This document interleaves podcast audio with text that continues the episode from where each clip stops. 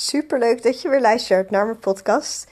Ik heb al echt super veel leuke reacties gehad op de eerste aflevering. En ik, eh, ja, ik vind het gewoon zo leuk dat hij gewoon wordt beluisterd. Dus uh, ja, heel erg bedankt in ieder geval. En vandaag wilde ik het met je hebben over hoe je website je groei kan tegenhouden. En daarbij wil ik het nog niet gaan hebben over uh, strategisch, maar eigenlijk juist over het stukje mindset en het mentale onderdeel daarvan. Want dat is natuurlijk ook nog steeds echt, ja, ik vind, ik vind dat altijd heel leuk om over te praten. En daarom dacht ik, laten we dat gewoon even in aflevering 2 gaan doen. Dus vroeger werd eigenlijk je website altijd een beetje gezien als het online visitekaartje. Maar tegenwoordig zie ik het eigenlijk, je website zie ik als zoveel meer dan dat.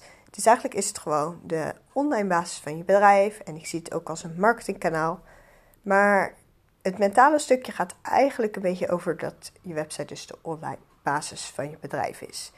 Want voordat iemand klant wordt, komen ze altijd op je website terecht.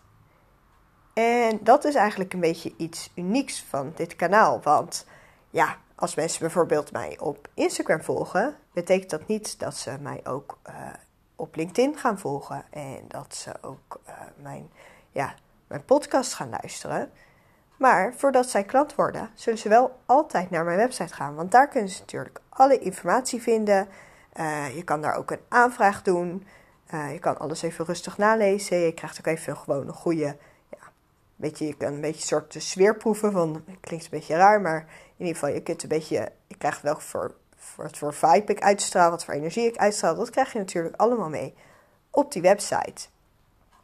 Want eigenlijk is die website ja, ik vind ook altijd dat een goede website uh, moet ook eigenlijk jouw energie uitstralen. Dus op het moment dat ik jou dus in het echt ontmoet uh, en ik kijk op jouw website, dan moet dat soort dezelfde vibe geven. Dus dat is ook iets wat, ja, dat is denk ik in al je marketingkanalen wel een beetje hetzelfde, dat stukje. Maar dat stukje van dat de klanten altijd via je website komen, dat is iets heel unieks. Ze kunnen dan misschien nog wel een aanvraag ook alsnog doen via, uh, via Instagram. Want dat heb ik namelijk ook wel eens hoor. Dat mensen bijvoorbeeld mij volgen op Instagram of via via terechtkomen. Vervolgens kijken ze op mijn website. En daarna sturen ze me een persoonlijk berichtje op Instagram. Omdat ze liever niet willen mailen en vinden ze gewoon fijner op Instagram. Maar ze zijn wel op mijn website geweest.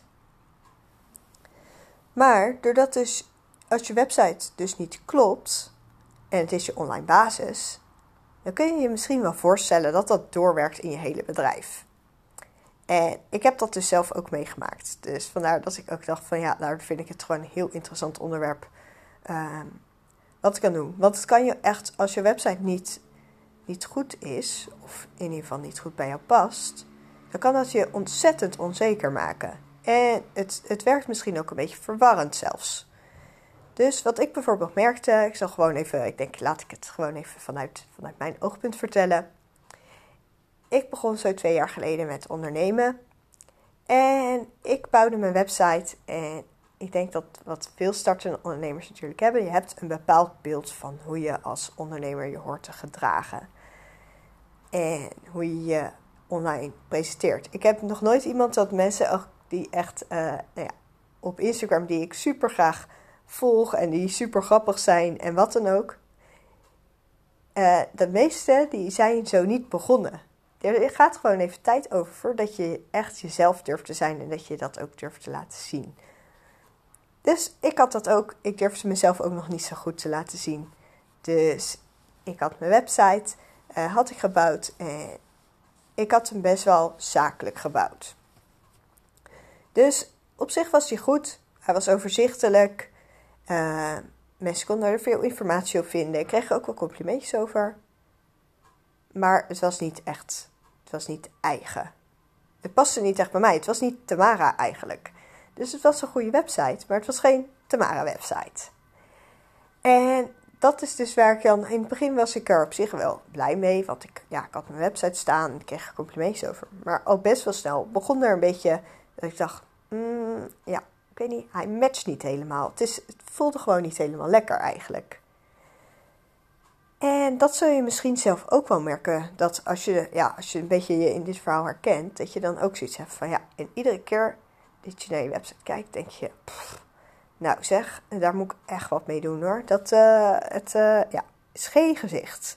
Of uh, het past gewoon niet, het voelt niet goed. Maar daardoor ga je dus ook een soort van je een beetje anders gedragen dan dat je zou doen. Dat als je echt trots bent op je website, als je echt denkt, nou, die website die is zo geweldig, die moet iedereen zien. Weet je, dat gevoel dat heb ik dan nu. Dan denk ik, oh ja, mensen kijken snel op mijn website, hartstikke leuk. Uh, maar wat ik dus deed, is ik, uh, ik had die bepaalde stijl, die een beetje wat zakelijke, uh, saaie stijl. Ja, wat ook dus heel grappig is, dat als je mij dus een beetje kent, uh, ik ben dus helemaal niet zo zakelijk. En ik vind het juist heel belangrijk om echt, ja, weet je, dat, dat persoonlijke en die verbinding op te zoeken. Dus ik merk dat, dat ik dat ook heel fijn vind met mijn klanten. ja, met mijn klanten voelt het soms bijna alsof we een soort uh, vriendschap hebben. Klinkt misschien een beetje gek, maar ik heb het gevoel dat zij mij best wel goed kennen en dat ik hem best wel goed ken. Uh, we hebben soms ook een soort van wat, ja, wat private jokes. Dus dat je echt van die grapjes hebt onderling. Die, die je met niemand anders hebt. Dat je ja, bepaalde dingetjes altijd, altijd doet. maar ja, in ieder geval, dat vind ik dus heel leuk. En daar ga ik dus helemaal van aan. Maar, en mijn klanten dus ook. Maar op het moment dat ik dus ook die zakelijke website heb, dan zullen zij daar ook veel minder zoiets hebben van, nou, ja, dat uh, krijgen ze minder het gevoel uh, van mij eigenlijk. Dus daar gaan zij ook minder van aan.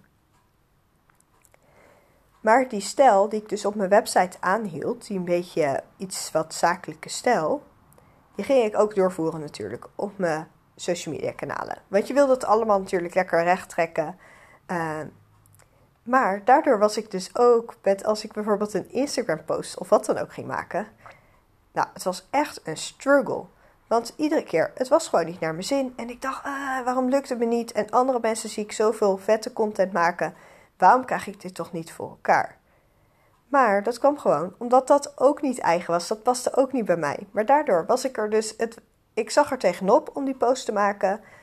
Het was een soort struggle. Ik werd er zagrijnig van. Ik vond het gewoon echt helemaal niks. Ik vond het echt heel, heel stom om te doen. Ik probeer een beetje op mijn woorden te letten. Dus stom. maar ja, je begrijpt wel wat ik uh, wilde zeggen, denk ik.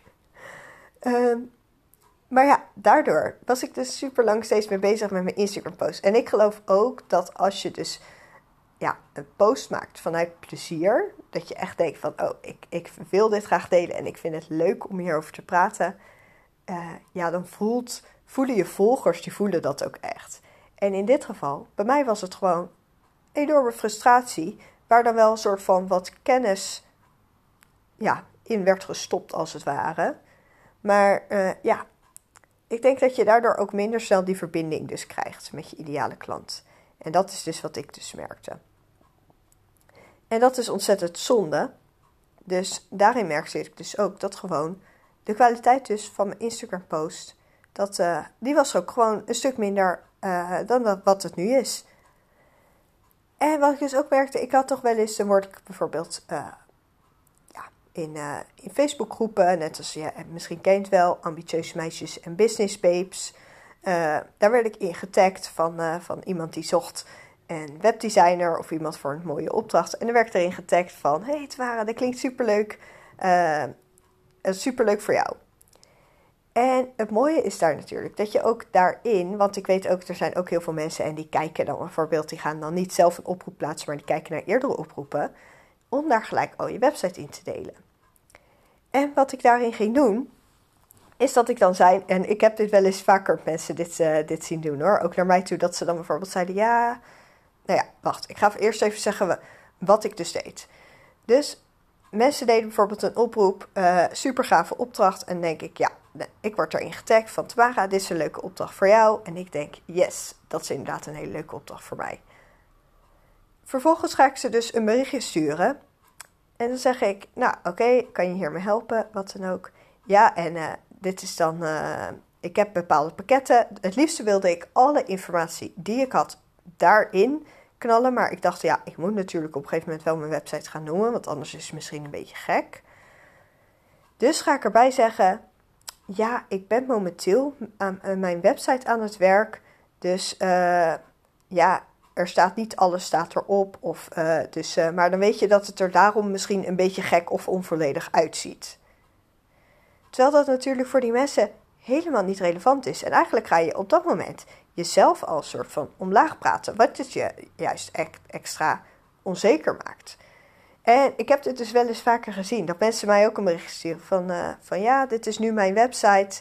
Ja, ik ben er dus al mee aan het werk, maar, en dan dacht ik, ja, maar dat maakt toch helemaal niet uit, eigenlijk. Van, je probeert eigenlijk jezelf te verontschuldigen voor je website. En dat is natuurlijk ontzettend zonde.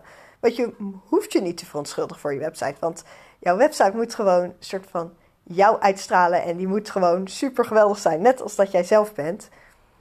Dus dat houdt je daarin, houdt het je ook tegen en het houdt je gewoon klein. En dat is gewoon ontzettend zonde.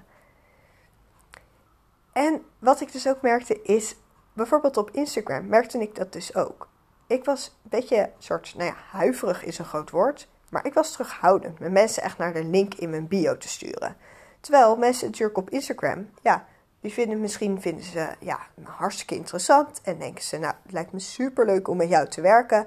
Maar dan wil ik natuurlijk eerst even op je website kijken van wat voor soort pakketten heb je, wat bied je precies aan en wat kan ik verwachten. En ik zat dan vervolgens een beetje te miepen met de link in mijn bio erbij te zetten. Dus wat ik dan heel vaak dan zei onderaan post, uh, ja, meer informatie, stuur me een DM.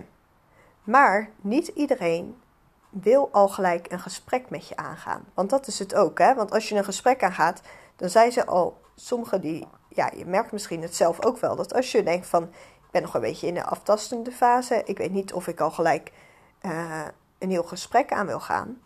Uh, je wil gewoon eerst nog even goed lezen, want voor hetzelfde geld is iets boven je budget of past het niet bij je. En dan wil je niet uh, iemand al berichtjes sturen en dat je dan volgens in één keer allemaal berichtjes terugkrijgt van... hey, en heb je er al over nagedacht? Bla, bla, bla. Niet dat ik dat doe, maar ik heb het wel eens meegemaakt dat mensen dat deden... toen ik meer informatie aanvroeg. Dus vandaar dat ik daar dus ook altijd als iemand zegt van... ja, uh, stuur me een DM voor meer informatie, dan, dan doe ik dat ook niet zo snel. Uh, je moet het gewoon je klanten natuurlijk zo makkelijk mogelijk maken om informatie te kunnen vinden. Dus daarin hield het me dus ook tegen. En wat ik dus ook deed, is ik ging mijn website dus niet meer zo up-to-date houden. Op zich wel qua, qua updates en zulke dingen, dat deed ik wel. Maar net als ik ging geen nieuwe blogs meer plaatsen. Uh, als ik bijvoorbeeld dacht van, hé, hey, uh, ik wil mijn diensten, wil ik iets anders indelen. Dacht ik, ja, dat doe ik wel als, als ik mijn website helemaal ga aanpassen. Want ik ga hem niet nu een beetje aanpassen en daarna de rest aanpassen. Want dan ben ik dubbel werk aan het doen. Of uh, ja, dan dacht ik bijvoorbeeld. Uh, ja, dan wilde ik een nieuwe freebie maken bijvoorbeeld. En toen dacht ik, ja, maar dan kan ik dat beter doen als ik mijn hele website, dat ik gelijk in alles helemaal goed doe. Is natuurlijk geen excuus, want je kunt ook prima dat doen. En ook trouwens nieuwe blogs plaatsen deed ik ook niet meer. Ook omdat ik dacht uh, van ja, nou dan moet ik dat straks allemaal over gaan zetten in een nieuwe stijl. Nou, dat is echt super veel werk. Geen zin in hoor ja, het zijn natuurlijk allemaal excuses, maar daardoor maak je die drempel voor jezelf ook steeds groter. Maar daardoor heb je dan ook zoiets van ja, eigenlijk zijn die teksten, ben je dan vervolgens ook niet meer blij mee. En zo geeft dat dus echt een soort ja, ripple effect, dat wat, uh, wat uiteindelijk een hele grote vloedgolf wordt, uh, zo over je bedrijf heen. Gelijk maar even heel dramatisch maken. Maar ja, dus die website, die, ik merkte dat, dat dat gewoon bij mij een enorme ergernis was. En dat dat me dus op alle punten dus tegenhield. Dus constant op bijna alles wat ik dus deed. Dus ook bijvoorbeeld mijn e-mailmarketing. Alles wat ik deed, steeds liep ik een beetje tegen die drempel op van mijn website die niet in orde was. En dat hield dus echt mijn groei tegen. Dus toen op een gegeven moment dacht ik, uh, nou ben ik er helemaal klaar mee. Ik ga hem nu gewoon helemaal aanpassen en dat hij helemaal naar mijn zin is. En ik merkte ook gewoon dat nu ik ook gewoon trots ben op mijn website. Dat ik word ook zelf gewoon, uh, misschien heb je al wel eens op mijn website gekeken, maar ik vind zelf een hele vrolijke website. Ik word er zelf ook vrolijk van als ik er naar kijk. En ik ben er ook trots op en ik heb ook altijd zoiets van, ja, heb je op mijn website gekeken? Kijk op mijn website voor meer informatie over wat dan ook. Uh, nou ja, ik moet zeggen, ik heb de laatste tijd geen blogs meer geüpdate, maar anders stuur ik mensen ook regelmatig door naar bijvoorbeeld blogs die op mijn website staan van, hey, uh, als iemand ergens een vraag over hebt, van ik heb hier gewoon een blog over geschreven. Dan kan je alles even rustig nalezen. Dus dat is gewoon heel fijn. dus ik merk gewoon dat nu, dat, dat ja, ik krijg ook gewoon nu ook meer aanvragen, gewoon ook binnen daardoor. En ik krijg ook eigenlijk meer complimentjes over mijn website, maar meer op een ander niveau. Niet gewoon van, je hebt wat een duidelijke website heb je, maar hier hoor ik ook echt van, je hebt een vrolijke website en van, oh, wat straalt jouw website goed uit je bent. Dat ik dat ook echt soort terugkrijg. En dat vind ik dus, ja, dat is gewoon het allerleukste. Daarom wil je, dat wil je natuurlijk ook op, op je website. Dus ja, dat, uh, daar ga ik in ieder geval helemaal voor aan. Dus stel dat jij nou ook denkt van, nou, ik ga daar ook helemaal van aan. Ik kan het al helemaal voor me zien dat ik dus ook die website heb waar ik zo blij van word en die zo goed bij me past. En dat je je misschien ken je, herken je jezelf wel in dit verhaal. Dan denk je ook van, hm, eigenlijk houdt hij me wel tegen. Dan kan ik je natuurlijk gewoon helpen. Want ik heb een webdesign pakket. En daarbij uh, neem ik eigenlijk alles helemaal voor je uit handen. Uh, gewoon van, uh, van A tot Z. Dus, dus zet gewoon een hele nieuwe website voor je op. Zorg gewoon dat die goed in elkaar steekt. Gewoon strategisch, maar ook dat die helemaal bij je past. En dat je er dus helemaal blij van wordt.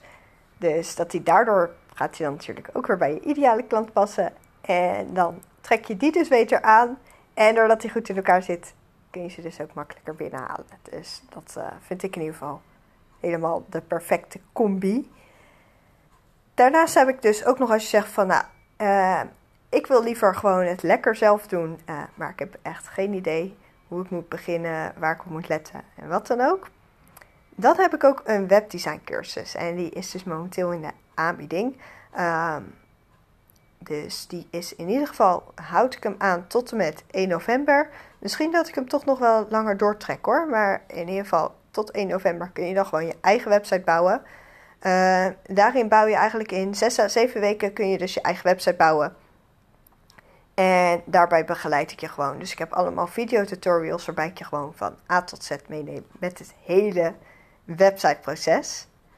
Dus dat was de aflevering van deze week. Ik zie je de volgende week, of nou ja, ik zie. Ik hoop dat je de volgende keer weer gewoon uh, luistert. En uh, laat me vooral weten wat je van deze aflevering vond. Deel het in je stories. Uh, laat een leuke review achter. Dan 5 sterren is natuurlijk het allerleukste. En, en volg het. En nou ja, in ieder geval, ik ben heel erg benieuwd wat je ervan vond. En dan spreek ik je de volgende keer weer.